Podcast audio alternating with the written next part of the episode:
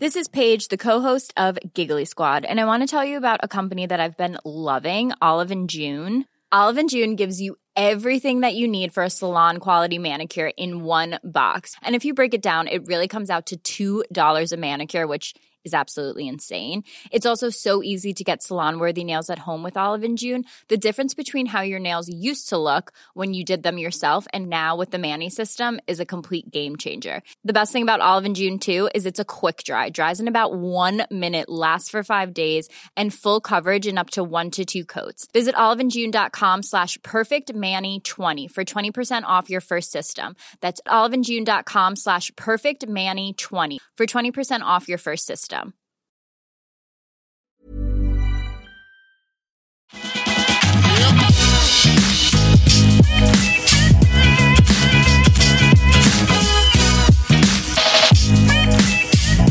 Okej, vi rullar. Idag träffar jag Elinor Lövgren som är en nära vän till mig men också min gamla poddkollega för vår gemensamma podd Embrace Her som vi hade eh, i ungefär ett, två års tid eh, som fortfarande finns kvar att lyssna på. Eh, hon arbetar idag som influencer och har gjort sedan hon var 12 år gammal. Idag är hon 25, hon ska bli mamma. Hon har en helt annan syn på branschen och delar med sig av eh, sin syn på det men också tips och råd men också hur hon arbetar med sig själv på ett annat sätt idag. Hoppas ni tycker om det. Välkommen hit Elinor. Tack snälla gumman. Hur sjukt att jag säger välkommen hit och inte välkommen till vår podd. Jag vet, det känns sjukt men ändå skönt på något sätt. Ja. Att jag bara får vara gäst. Slippa Behöver inte planera, ingen klipp, ingen ångest inför att spela in. Man bara kommer in hit, sätter sig ner i din, din nya poddstudio och bara njuter. För alla som inte vet så har ju vi haft en underbar podd tillsammans som heter Embrace Her. Det har vi. Finns fortfarande kvar. Mm. Har, du har också väl flera som hör av sig och lyssnar på dem ännu. Ja. Alltså det, det var ju avsnitt vi släppte som man kan lyssna på om och om igen tror jag. Ja. För det var ju så här hur man förbereder sig inför en arbetsintervju, hur man skriver ett CV och sånt hade vi också. Ja. Hur man förhandlar upp sin lön, alltså sånt där som man kan lyssna på inför en arbetsintervju till exempel. Och eh, vem är du Elinor? Om man får berätta. Jag har ju introducerat dig men jag tycker det är lite kul att höra vart började din resa? Um, vill du att jag börjar från början eller vem jag är idag? Början. Början. Och sen ska vi mynna ut till vem du är idag. Ja. Jag är eh, storasyrra, äldst av fyra syskon. Kommer ifrån en liten, liten ort som heter Gnesta som ligger typ en timme från Stockholm. Och när jag var 12 år gammal så började jag läsa bloggar. Det var då alla de här Blondinbella och de kom. Eh, och blev superintresserad. Så jag startade min blogg, började skriva om vad jag gjorde i skolan typ. Det fanns inte så mycket mer. Men sen eh, mitt intresse för influencer marketing växte. Jag har ju fattat i efterhand att det var att jag var intresserad av hela branschen. Det var inte att jag var intresserad av eh, att eh, starta någon egen stor blogg och få massa följare och sånt där. Utan jag började, jag skolkade från skolan. Jag sprang hem på raster, luncher, lektioner och bara läste, läste, läste bloggar. För på den tiden såg ju bloggandet annorlunda ut. Man la upp, kunde lägga upp tio inlägg på en dag. Ja, verkligen. Det var Så- en happening när det kom ett nytt inlägg. Gud ja, och alla bråkade med alla och det var ju bara fullständigt kaos. och, men då började jag i alla fall analysera det här lite hur det funkade. Eh, psykologin bakom och hur vi följare reagerar på saker och hur kampanjer ser ut och hur de funkar. Och, eh, varför jobbar liksom ett språkreseföretag som ska skicka iväg 16-åringar med en influencer som är 30? Alltså vet sådana saker. Jag började så här fundera kring grejer. Så sen eh, när jag började i gymnasiet så bestämde jag mig för att nej, nu ska jag lägga upp en strategi här. Min blogg ska bli stor och jag ska kunna leva på det här när jag tar studenten. Men då när du var 14, då läste du, då, när du läste alla bloggar, då startade du även en egen. Ja, jag hade min blogg Ja. från att jag var 12. Så jag bloggade på själv samtidigt. Ja. Eh, och sen så började jag ju fatta att nej men ska bloggen bli större här nu? För eh, då jag rebrandade mig själv när jag var 15 tror jag. Då satte jag upp en strategi, en riktig strategi. För eh, du är bättre på sånt här medier som kan PR. Men hur jag Nej. skulle liksom, jo. men du vet försöka sätta något Ja. koncept. Vem jag skulle vara utåt, vad jag skulle Ja. dela med mig av och sådär. Så då var jag, min nya blogg när jag var 15. Den heter samma sak som idag. p-dotter.se eller eleanorlofgren.se. Och då började jag bara skriva, det var en renodlad känsloblogg. Så jag skrev bara om vad jag kände varje dag. Vad var din nisch då? Nej men det var det, att skriva om känslor. Idag pratar ju alla om psykisk ohälsa men då gjorde man inte det. Nej. Alltså det fanns inte. Det var, ju- då var det bara så här, ny LV-väska, mitt nya smink, någon bråkar med någon.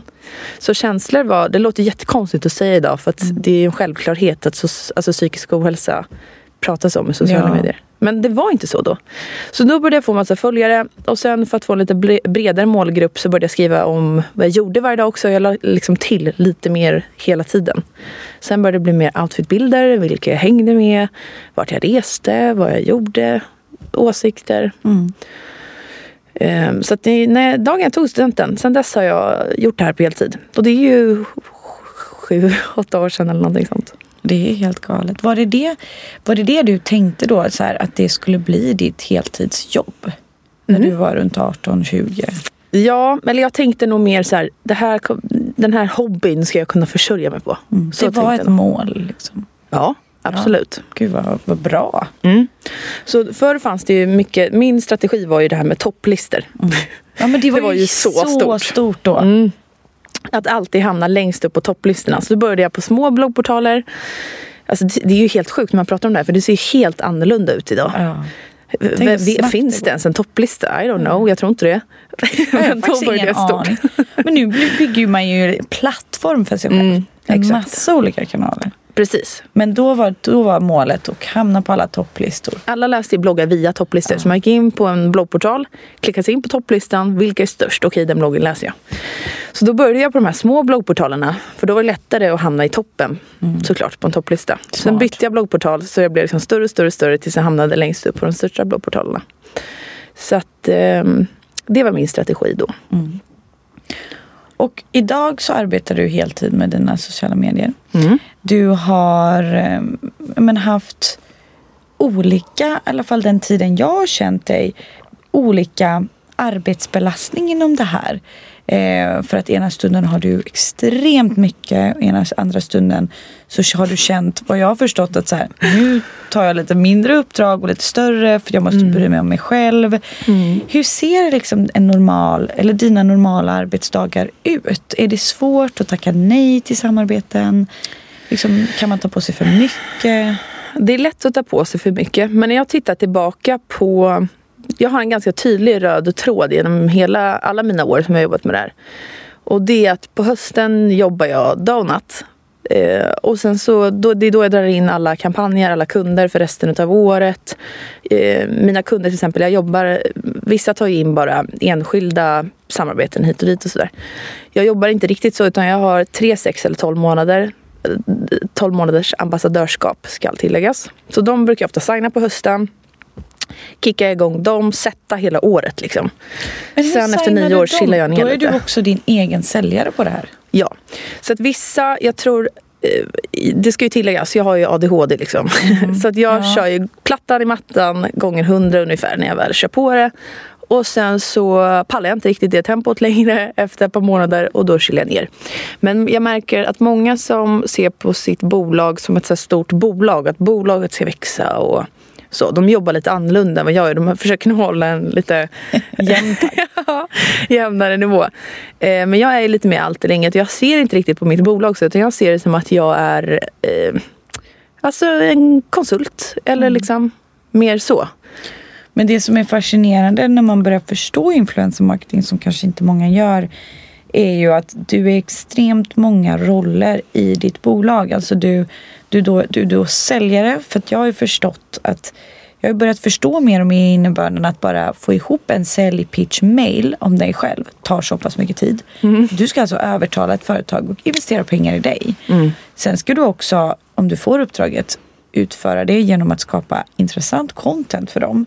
Som de ofta brukar ha en fotograf, en producent, en kreativ chef. Det här ska liksom du göra själv. Sen ska du också agera fotograf eller be någon i din närhet eller ha en fotograf och guida den här hur du vill ha. För du har en vision av det här.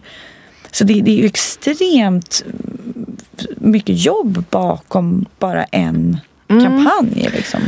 Och det är ganska olika. Jag har det ju lyxigare numera då. Men det har varit hundår liksom, där det man får hitta sina kunder och Ja. då får man, du får ju liksom sitta och ringa Ja. och försöka få tag i den viktigaste personen på bolaget och den som fattar besluten. Men det, det jag tror jag har vunnit på eh, är nog att jag alltid har pitchat eh, hela koncept. Alltså om jag ska jobba upp med en kund så Många undrar säkert varför då jag inte bara tar enskilda samarbeten hit och dit utan att jag bara jobbar med ambassadörskap. Och det är egentligen framförallt främst för både min och kundens trovärdighet. Alltså det är mer trovärdigt att jag på sikt jobbar med ett bolag och att vi på sikt må, vi når målen eh, mycket lättare också. För att om man bara kör en kampanj då vill of- oftast kunder att man ska trycka in ungefär tusen olika budskap. Och så fastnar ingenting hos mina följare. Utan då är det bättre att sätta ett inlägg i tre månader säger vi. Så tre inlägg totalt. Och då, det jag har vunnit på är att jag satt hela konceptet för de tre månaderna i förväg och skickat iväg till kunden innan någonting är signat. Och så har de fallit för mitt kreativa koncept, köpt det eh, och sen har det blivit en affär. Liksom.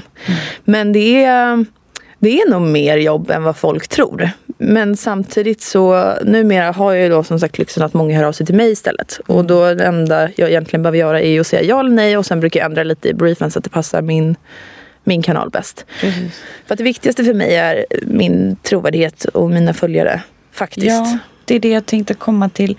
Är det svårt att tacka nej när du känner att så här, det här är inte någonting för, som är bra för mitt varumärke?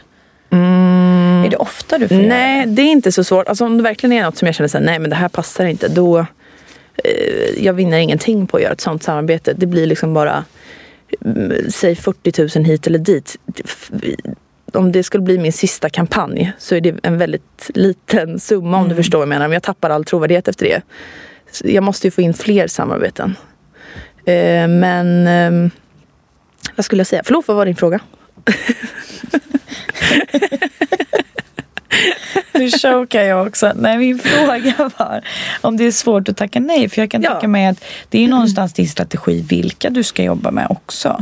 Ja, alltså jag blir ihopkopplad. Mitt varumärke, eh, man kopplar ihop det med de eh, varumärkena som jag jobbar tillsammans med. Så jag vill ju associeras med vissa typer utav bolag och andra inte. Men förr var jag mer eh, kan man säga ekonomiskt stressad. Alltså jag var väldigt stressad ekonomiskt. Jag ville hela tiden veta att så här, det kommer in pengar. Ehm, jag är uppväxt med en ensamstående mamma. Jag har inte fått liksom, speciellt mycket.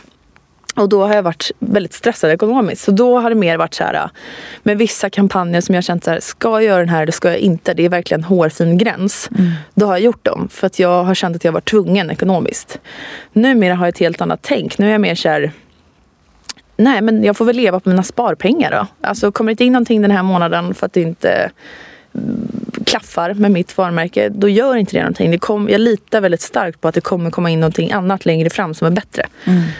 Eh, och i värsta fall så får jag ta till mina sparpengar. Och det har faktiskt inte hänt än. Fast jag har haft den här inställningen i typ ett och ett halvt år nu. Ja, men det är också kanske gör dig trygg och känna att så här, jag kan ta av dem om det skiter sig. Och då Mm. ofta när man har ett ganska mer lugnare mindset så Mm. brukar det lösa sig. Ja. Än när man stressar och liksom måste ha en inkomst och tar första bästa. Och, För att det är lite så idag i, men inom influencer marketing där många pratar om att vara en sellout. Mm. Eh, och det börjar bli en liksom ganska negativ trend. Mm. Och, och där tycker jag att du är väldigt duktig eh, och verkligen väljer så att det blir autentiska och, och, och äkta samarbeten.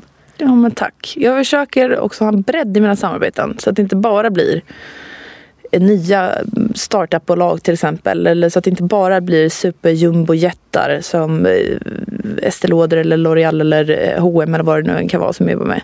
Eh, Och att det inte blir någon samma eh, vad heter det? kategori. Så att det inte bara blir skönhet utan att jag varierar upp det lite. Men eh, alltså det här får låta hur det vill. Det är inte jättesvenskt att säga så här kanske. Men jag har aldrig tjänat så mycket som jag gör idag. Och jag har aldrig någonsin varit så obrydd om pengar. Mm. Och det trodde jag liksom aldrig att det skulle kunna höra ihop ens. Nej. Men det är oftast då det är så. Mm. Liksom, när du följer någonting helhjärtat, din passion och gör det helhjärtat, inte där är, motivationen är pengar. Då Mm. brukar de ju säga att då kommer som allra mest pengar. Ja, men det är så det har blivit för svårt mig. att tro på när man väl är i jakten. Liksom. Absolut. Ehm, men det jag... Jag sa att jag har tänkt här ett och ett halvt år. Jag har nog tänkt det lite längre. Men Men eh, i år, alltså jag har mycket att tacka corona. Det kan jag säga. Ja. För att jag kände, förra hösten eh, anställde jag en assistent och jag jobbade liksom jättemycket. Mådde inte alls bra. Nyåret kom och jag kände, nej men nu måste jag lugna ner mig lite här. Sen så kom corona och då kände jag, men gud det här är året som jag verkligen ska. Nu var det någon högre makt här som ville att jag skulle Ja. jobba inåt och inte framåt. Och så jag började jobba inåt och um, ta liksom mer egen tid, lugna ner, komma ner i varv, fokusera på min hälsa bara. Det är inte att jag, du vet, du känner mig, Ja, jag går ja, inte ja. liksom Hur har du jobbat inåt? Ja, det är det här. Jag, jag, är nog inte, jag gör det på mitt sätt. Liksom. Ja, ja, ja, och det ska man. Och det är en resa. Du är inte klar liksom. Utan det är en början. Men hur försöker du göra för att liksom för att jobba inåt för dig själv? Vad känner du så här, vad mår du bra av? Nej, men att lyssna varje dag på kroppen. Jag vaknar upp på morgonen och så känner jag, och kollar jag på mitt schema och så känner jag efter så här, är det här det jag vill göra idag? det här Ja. låter ju så flummigt. Nej. Och om det är någonting som jag känner så här, nej. Det här, jag, jag ska inte alls spela in den här podden med Sanna idag. Jag är inte alls på humör för det. Nej. Nej, men då bokar jag, då liksom, förlåt men det är inte farligare än att jag liksom bokar om det två dagar. Nej. Och att jag, det här var ett dåligt exempel kanske men att jag är i jo, bättre jo, men- mode om två dagar så blir den poddinspelningen mycket bättre än om vi ska stressa Ja. ihop den idag och så här. Du frågar dig lite, vad måste jag göra eller vad vill jag göra? Precis, Du börjar göra saker du vill. precis. Och ehm, nu, jag var så himla glad för corona också för då behöver man inte, man behövde inte ta möte med folk Nej. på flera månader. Det var helt fantastiskt. Det älskar du. Eh, och nu när liksom människor börjar höra av sig igen, så här, ska vi ses, ska vi ses, ska vi ses. För du har känt lite press av i ditt yrke att gå på, på events. Visst är det så? Ja, alltså dels det är ju kul att socialisera sig och sådär. Men ehm, det har ju varit eh, rent krasst också. Man måste ut och träffa potentiella kunder också för att dra in deg.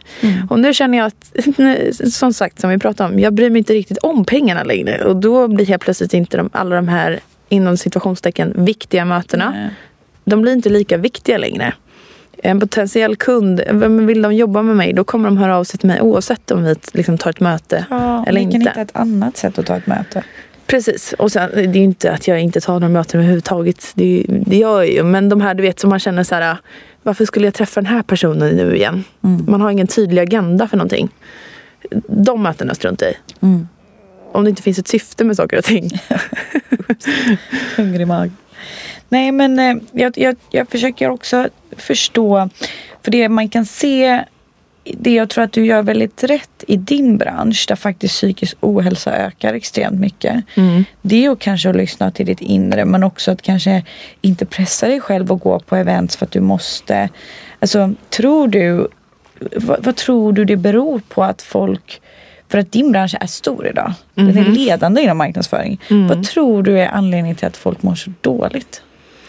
Men det blir ju en sån sjuk press hela tiden. Ehm, på att hela tiden uppdatera. Alltså det här med att jag avbokar möten och sånt. Det är inte bara där jag lyssnar liksom inåt. Utan det är ju, vill jag lägga upp någonting på min Instagram idag? Nej, det vill jag inte. Då skiter jag i det. Vill jag svara på mejl idag? Nej, då skiter jag i det. Vill jag ta en promenad istället och bara lyssna på fågelkvitter? Då gör jag det. Det här låter ju så flummigt. Jag hör ju Men det själv. förr, förr kände du kanske inte så. Då kanske du var pressad. Absolut, jag skulle aldrig för mitt liv ställa in ett möte. Jag skulle aldrig för mitt liv ta ens en promenad. För att jag kunde jobba. Eh, Varför skulle jag umgås med mina vänner? Jag kunde jobba istället. Alltså jag såg allt som så här, att det tog tid utav mitt jobb. Och så ser jag det inte riktigt idag. Jag ser det som att jobbet får anpassa sig ut efter mig. Men jag tror att många inte mår bra. Alltså menar du att ehm, många influencers lyfter ämnet eller att deras följare inte mår bra? Nej, jag tror att, att, att just influencers själva känner press och inte mår bra. För att ert yrke är så pass utsatt, eh, liksom att ni är i rampljuset. Du och ditt liv. och Jag kan själv känna så här, fy fan vad jag har en dålig dag. Som idag, jag satte upp en tofs på mig slappa kläder för jag känner mig inte, jag känner, att det är en sån dag. Men där i ditt fall och det är där du har kanske utvecklats då kan bara, ah, skitsamma idag, jag tar en Precis. promenad. Men att många ändå så här, för att yrket är du. Ja. Du är din produkt. Ja.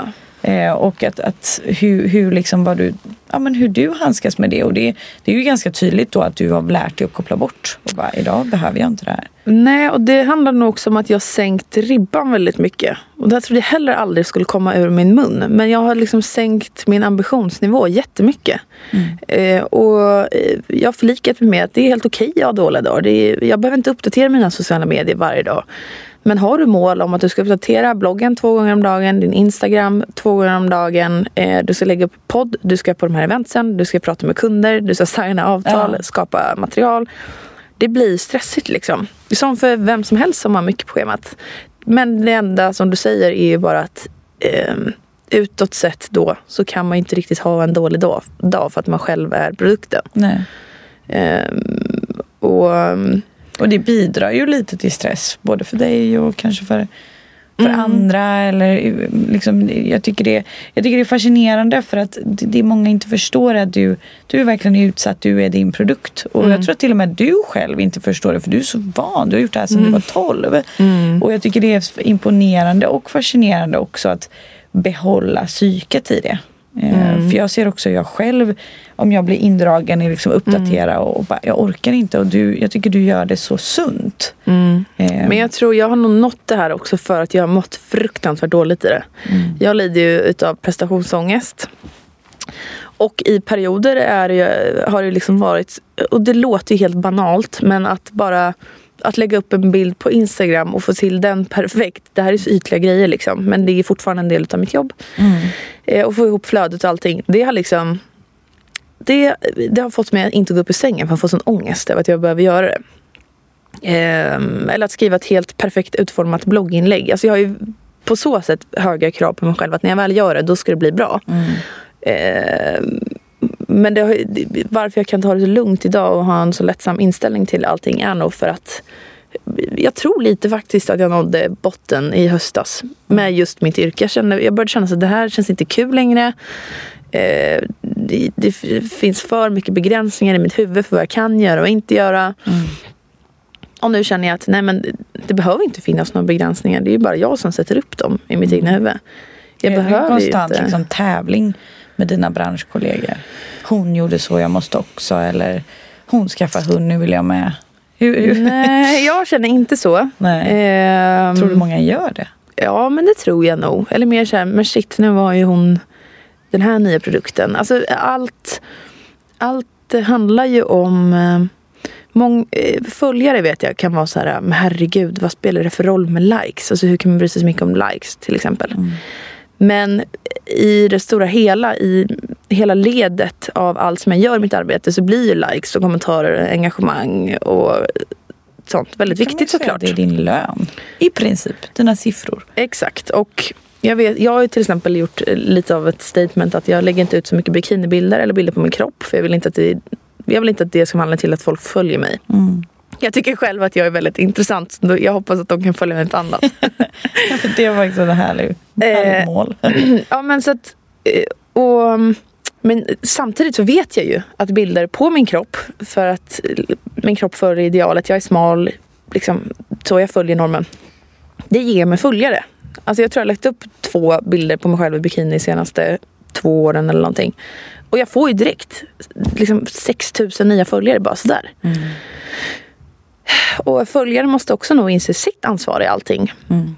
Alltså att Många klagar på att det är mycket bikinibilder och det är mycket avklätt. Ja men sluta lajka ja. sådana bilder då. För att det triggar liksom igång att bara lägga upp mer och mer och mer. Ja gud ja, jag har verkligen börjat tänka så vad jag likar och vad jag inte likar. Mm. Vad man vill liksom visa att man stöttar och inte. Mm. Och det kan till och med vara bland vänner. Ja. Att så här, är det för som jag inte tycker är så intressant, ytlighetsfokuserat, det kan vara materiella ting. Mm. Då blir jag så lite anti och mm. bara säger nej men det där vill inte jag stötta. Nej. Och det är inte för att vara elak. Det är nej. bara så här, det är mitt varumärke. Varför ska jag lajka något som jag egentligen inte står för? Ja. Och det tycker jag är viktigt att alla ska börja granska sig själva i. Vad, vad står jag bakom och vad står jag inte bakom? Alltså att likesen som man ger ut är mer genomtänkta än att man bara liksom kastar sig ur dem. Mm. Um, och sen också många influencers liksom klagar på att de får för lite likes eller att det är fel på algoritmen och så här. Men eh, rent krast når du liksom inte ut till dina följare då gör du ett dåligt jobb. Mm. Lägg ut bättre material. Sluta klaga. Är du med i leken så får du leken tåla. Lite så tycker jag. Ja. Den enda egentligen plattformen vi kan äga är om vi har en blogg. Annars så är vi beroende av Youtubes algoritmer eller Instagrams eller, Mm. eller ja, Facebooks blir det ju. Eh, och då får man anpassa sig ut efter det. Ja, och de är ju designade helt utifrån att ta våran tid och att vi ska köpa så mycket som möjligt. Ja. Så jag menar i slutändan så är ju inte de algoritmerna till för att gynna dig eller Elinor. Alltså, Nej, de är De till för att gynna följarna också. För att följarna ska få upp relevant innehåll. ja, för att köpa. Och, exakt. Och Ja. tycker inte dina följare att du är relevant så kommer ett Instagram tycka att du är relevant. Så det där tycker jag också är att influencers klagar på sånt där. Det tycker jag man ska lägga ner lite. Men om man som yngre tjej eller kille frågar dig ehm, hur, man, hur man blir influencer eller om det är någonting du rekommenderar att man ska bli. Vad hade du svarat då? Eh, alltså, jag rekommenderar ju alla att starta eget bolag. Det är jättelärorikt. Sen så det flyger inte alltid och det vet alla som Ja. någon gång har testat på det. Men... Eh, För det är väldigt många som har en förskönad bild och dröm och Mm. många yngre tjejer och killar som väldigt vill gärna bli influencer och undrar hur blir jag det? Eller, Mm. Och liksom har en bild av det. Hade, är det någonting, liksom en, en, ett arbete, ett bolag, eh, form som du rekommenderar? Ett, liksom ett, som, som karriär? Eh, alltså jag älskar ju mitt jobb. Mm. Jag är så otroligt fri. Jag får göra precis vad jag vill. När jag, jag får ta vilka uppdrag jag vill. Ehm, så på så sätt rekommenderar jag det ju. Men ehm, alltså alla kan inte bli influencers. Nej. Så är det bara. Du måste ha ett öga för, för väldigt mycket olika saker. Det handlar inte bara om att du ska ha ett öga för att kunna vara kreativ och skapa bra material. Utan du måste också ha ett affärssinne och vara strukturerad. Och det kommer ju till en massa andra egenskaper. Och där tror jag kanske att många fallerar. Eller att man har någon av de egenskaperna. Mm. Men man har liksom inte hela paketet. Och that's life. Men jag tycker fortfarande att vill man testa, kör. Mm. Och då är bara det viktigaste att lyssna inåt. Vad tycker jag är kul? Vad gillar jag att producera för typ av material? Mm. Det behöver inte vara Instagram utan man kan ju bli jättestor bara på Snapchat eller eh, Youtube eller Ja, och kanske inte kolla på liksom, vad lägger alla upp som jag följer. Att Nej. man måste inte stå och posa framför en vägg. Helst Nej. på Östermalm med liksom beige eller vit fasad. Nej! Alltså det är så här, man, kan, man kan verkligen kanske göra sin grej. Men jag tror att det är svårt också. Det är svårt att inte bli influerad utav andra. Eh, eller att inte göra exakt samma sak som andra, för influerad kan man ju bli. Men jag har faktiskt varje eh, halvår, då tar jag en sån check med mig själv och bara avföljer massa människor. Mm. Och eh, det är så skönt. Mm. För att då får jag inte upp de här grejerna som triggar igång saker i mitt egna liv. För det blir att man jämför liv. Det är ju inte bara att jag jämför en bild. Utan jag jämför ju, åh herregud, nu la den här tjejen upp, nu är hon där och har det asgött. Jaha, nu verkar hon jobba med den- här partnern. Och shit, hon måste tjäna asmycket på det. Ja, nu eh, har hon kunnat köpt den här nya väskan. Ja, det har inte jag kunnat köpt. Måste kolla om jag kan köpa den också. Alltså, jag avföljer allt sånt som överhuvudtaget ens får mig att känna minsta lilla sån, vad ska man säga? Att jag jämför mig själv med någon annan. Ja, Och då blir mm, det lättare att köra min egen grej också. Verkligen. Och, och att vara ärlig. För jag, jag har ju eh, liksom, jag triggas ju extremt mycket av just det här att inte visa en ärlig bild. Mm. Av att eh, kanske lägga upp mat man inte äter eller ehm, för, för att man har ju ändå ett ansvar som du sa både som följare men också du i din roll. Och, och em, vara en bra eh, kanske inspiratör till ja, men främst eh, yngre men också äldre. Eh, men som kanske tittar på dig och tänker så här, men jag vill ha exakt ditt liv. För att du, du är ju lite dagens kändis. Alltså så här, det, det, du skrattar nu men Inte just jag kanske, men influencers, Jo, men ja. influencers, bland annat du. Och, och jag menar så som vi, du och jag kanske tittar på Britney Spears eller Spice Girls eller whatever. Mm. Det är liksom influencers idag och man följde slaviskt och nu kan man följa ännu mer på djupet. Mm. Ehm, och, och det är så lätt att ge skev bild. Mm. Ehm, nu vet jag inte riktigt var jag vill komma men Nej men jag Alltså- förstår, jag vet, jo men alltså att det är viktigt att det man lägger upp, eh, att man är någon slags förebild också. Att man visar Ja. en eh, sann bild av hur livet ser ut. Och jag håller helt med dig. Det där provocerar mig också jättemycket faktiskt. Så det försöker jag verkligen att tänka på. Mm. Att har jag en dålig dag eller känner mig riktigt liksom ful. Det här är väldigt ytliga grejer. Men eh, eller om jag har ångest att jag skriver om det eller då, då, då försöker jag inte begränsa mig i att nej men eh, det här är inte intressant eller varför skulle någon vilja kolla på det här? Eller, Eller jag brukar på ett smile och bara allt är bra. Nej, Exakt, nej. Utan då lägger jag upp det rått och ärligt precis som det är. Ehm, det tror jag är viktigt. Och om man, om man får, ska veta någonting om dig som man inte ser på din blogg eller din Instagram eller andra sociala kanaler. Eh, någon hemlig passion som du har eller någonting som man, man kanske inte vet om Elinor Löfgren. som du inte väljer att visa ut? Du är bland annat väldigt, väldigt duktig på inredning. oj, tack! Mm. Och har, jag märker ju att du, du har ju... Ja, men det är väl, men det är väl, eh, vissa vet väl det i och för sig. Jag är ju lite sugen på så, jag tänker ju framåt, vill jag göra det här för alltid och sådär. Uh, mitt yrke alltså. Och uh, där känner jag väl lite att ja, en del av mig vill ha det. Jag, vill, jag kommer aldrig vilja stänga ner allt som jag gör. Men jag skulle nog vilja, jag är ju lite sugen på att börja plugga eller ge mig in i det här med arkitektur. Mm. det är jag ju sugen på faktiskt. Och du har egentligen nämnt kopplingar till det här ända sedan vi hade vår förra podd. Mm. Där du pratade att du ville göra keramik. Du mm. det, alltså alla vägar leder lite till någonting mm. kopplat för hemmet. Mm. Eh. Och jag måste hitta min väg i det där också. Tanken var att jag skulle praktisera hos två olika inte arkitekter men som eh, hjälper till med ombyggnationer och så vidare nu under våren. Men sen så kom corona och så sköt vi lite på det där.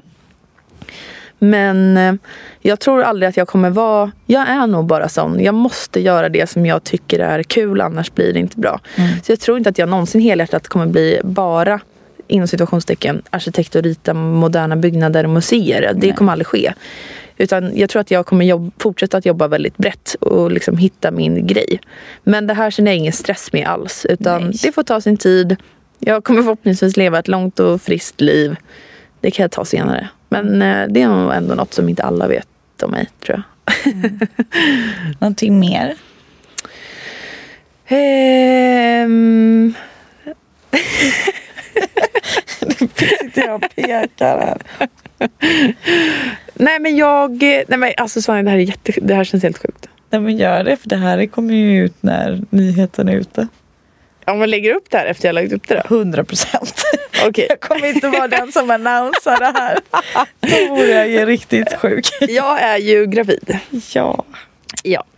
Och det är jättekul. Men jag har ju inte gått ut med det. Jag kanske har gått ut med det nu, jag vet inte. Men när vi spelar in det här så har jag ju inte gått Nej. ut med det. Och jag kommer ju givetvis vänta. så kändiskåt och lyssnarkåt är jag inte. Nej men hur känns det? Det är ju också en helt ny, ett helt nytt kapitel i ditt liv. Det är det verkligen. Och jag har ju gått snart halvvägs. Um... Hur har du lyckats dölja det här i halvvägs? Tänk så många likes du kommer få. jag tycker det är ditt jobb, jag är så ja, stolt. Jo. Um, ja, men jag, det, likes och så spelar inte riktigt någon roll. För att det, det som har känts viktigt nu är att det här är det första som jag någonsin har hållit privat om mitt liv. Jag älskar det. Och det är helt fantastiskt. Det är en väldigt befriande känsla. Nu, jag, det känns som att jag får testa på att inte vara influencer. Ja, faktiskt. Det är, och det är väldigt egen, skönt. Din och Philips lilla hemlighet. Ja, och, och vi ingen... som har vetat då. Exakt, och våra vänner och sådär. Men det är liksom ingen som lägger sig i eh, någonting. Och det är väldigt skönt. Alltså om jag skriver så här, ja och vi funderar på att flytta till exempel, då lägger jag ju upp det. Eller att vi har varit på visning och då undrar folk varför, lägger sig i och sådär. Men med det här, eh, jag vet inte. Och det känns väldigt privat. Mm. Och jag är ju väldigt personlig i mina sociala medier. Det har liksom alltid varit min grej. Uh, men nu det här med barn, nu kommer jag få hitta någon egen väg. För att jag känner att mycket kring barn är för privat. Jag vill faktiskt inte dela det. Och det är också en ny känsla faktiskt. Ja. Kommer du exponera ditt barn mycket? Ja, men det vet jag inte. Det får du ta då. Men jag känner inte att jag kommer bli... Eh, jag ser inte framför mig att jag kommer bli liksom en mamma-influencer nu. Nej. Det ser jag inte Det ser ju ingen och sen blir alla det. Ja. ja, för att, för att jag tror att man kan inte förstå hur stort detta är Nej. förrän man är där och då kretsar hela livet kring det. Nej men precis. Och nu i och med att jag lagt mindre fokus på liksom att göra karriär och hela den där grejen också så kommer det säkert komma sig naturligt att jag skriver väldigt mycket om barn. Det kommer jag göra liksom. Men inte jag har varit väldigt noggrann med när jag träffar min kille också att mina sociala, med, mina sociala medier handlar om mig. Inte om hans och min relation. Det handlar inte om oss till exempel. Mm. När vi skaffar hund så handlar det inte om mig och min hund utan det handlar om mig. Och så är liksom vår hund Bruno en biroll i det. Och lite så jag tänker med kids härligt. också. Och det är lite så här, jag är ju tillsammans med någon som har väldigt mycket följare också. Mm. Eh, och jag, eh, vi var ganska överens om att vårt förhållande är ganska privat. Mm. Eh, och sen är han ingen privat person så på sina sociala medier utan hans hobby är inredning. Men jag håller 100% med att jag tycker att så här, det vi har det blir nästan lite mysigt och privat. Mm. Jag kan nästan bli lite stressad av att bli exponerad kanske på Mm. hans kanaler. Mm. För att det blir en prestation eller press kring det här. Mm. Och det är det jag tycker är så härligt med dig. Att du kanske håller Filip, du höll honom privat väldigt mycket eh, i början men gör fortfarande ganska Mm. Ja. mycket. Alltså jag skriver aldrig ut hans namn. Jag skriver ju bara P liksom. Man Nu sa ju. hans namn. Ja, ja, men gud, det är, alltså man, det är bara att googla så Ja. kommer det upp. Men jag känner inte att jag behöver trycka ut det liksom. Jag taggar aldrig honom i fokus, någonting. liksom. Nej. Och i början när vi träffades då var han så här, men jag vill inte vara med. Liksom. Jag, nej, men det vill, jag vill inte vara med i dina sociala medier. Och då blev jag så här, men va? Hur kan du inte vilja det? Alltså så här, vadå? Nu, det här är ju skitkul. Jag vill ju skriva om det här hela tiden. Då var han så här, men du får skriva om det mycket du vill. Men så här, bilder och nej, typ. För han ville ju kanske vara ihop med Elinor Lövgren, inte P-dotter. Ja men och sen jag fattade ju inte det där riktigt för jag har ju liksom alltid lagt ut allt. Men eh, sen så fick jag suga på den här kalabanden eller jag hade ju inget annat val. Och nu känner jag ju att det är helt fantastiskt och jag förstår inte hur man kan vilja lägga ut allting. Jag har liksom vänt helt i det där. Ehm, det känns alldeles för privat. Sen så kan jag dela att vi tycker olika om saker eller haft argumentationer kring grejer. Eller, men, men det är fortfarande på mina villkor och jag delar inte med mig av det samma kväll som det hänt utan kanske Nej. några månader senare. Eller, Man, mer kanske som en erfarenhet. Ja. Än att liksom sitta och gossipa om era bråk. Utan Nej, mer att det här har du upplevt, varit med om. Folk lär sig, folk kan relatera, kommentera. Det blir lite community kring det kanske. Mm. Ofta, ofta beskriver jag, det har jag med mig sen eh, jag var 15 där då, att inte skriva om vad som har hänt utan känslan jag känner Mm. och beskriva den. Eh, För att det är ju den ofta alla kan relatera till. Mm. Inte exakt bråket jag och min kille haft kanske. Men ja, nej, så det ska bli spännande att se här hur, hur det får formas lite som eh, det kommer tänker jag. Det här med barn och så. Corona was a good year after all. Ja, ja. Jag tror corona har kommit med mycket gott också faktiskt. Det är lite kul för det är lite det vi har summerat typ med alla gäster som har varit här. Är det så? Att många, det är såklart en fruktansvärd grej men det har Ja. kommit väldigt mycket gott ur det också.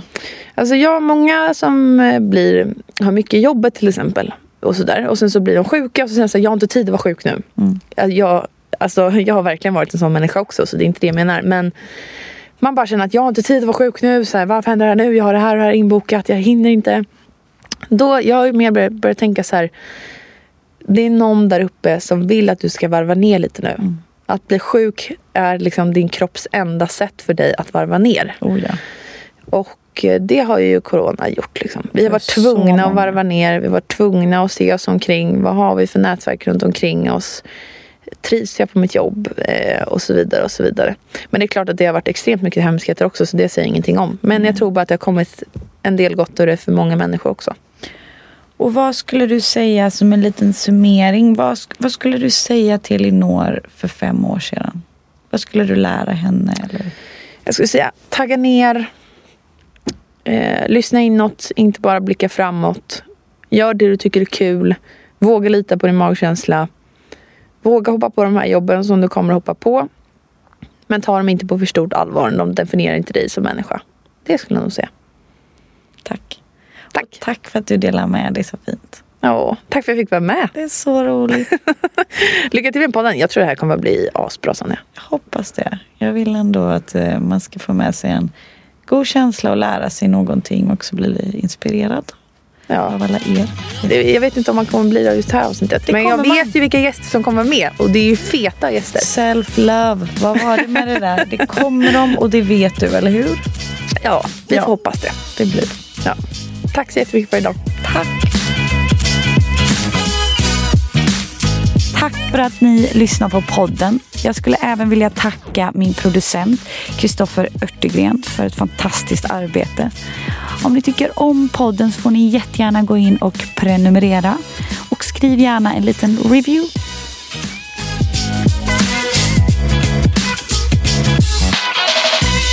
Jag spelar in den här podden på coworking spacet Helio GT30 där jag sitter och arbetar om dagarna. Det finns på flera ställen i stan så letar du efter en härlig kontorsplats så kika gärna in på helio.se för att se vart de finns runt om i stan. De har även eventlokaler, mötesrum eller den här poddstudion om man skulle behöva det. Eh, sen också väldigt viktigt världens bästa personal.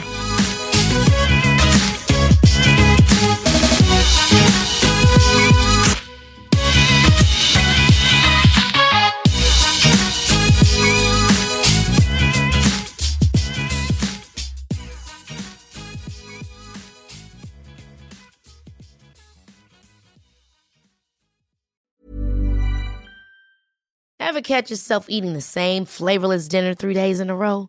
Dreaming of something better? Well, HelloFresh is your guilt-free dream come true, baby. It's me, Gigi Palmer. Let's wake up those taste buds with hot, juicy pecan-crusted chicken or garlic butter shrimp scampi. Mm. Hello Fresh. Stop dreaming of all the delicious possibilities and dig in at HelloFresh.com. Let's get this dinner party started. Planning for your next trip? Elevate your travel style with Quince. Quince has all the jet setting essentials you'll want for your next getaway, like European linen, premium luggage options, buttery soft Italian leather bags, and so much more. And is all priced at 50 to 80% less than similar brands. Plus, Quince only works with factories that use safe and ethical manufacturing practices. Pack your bags with high-quality essentials you'll be wearing for vacations to come with Quince. Go to quince.com slash pack for free shipping and 365-day returns.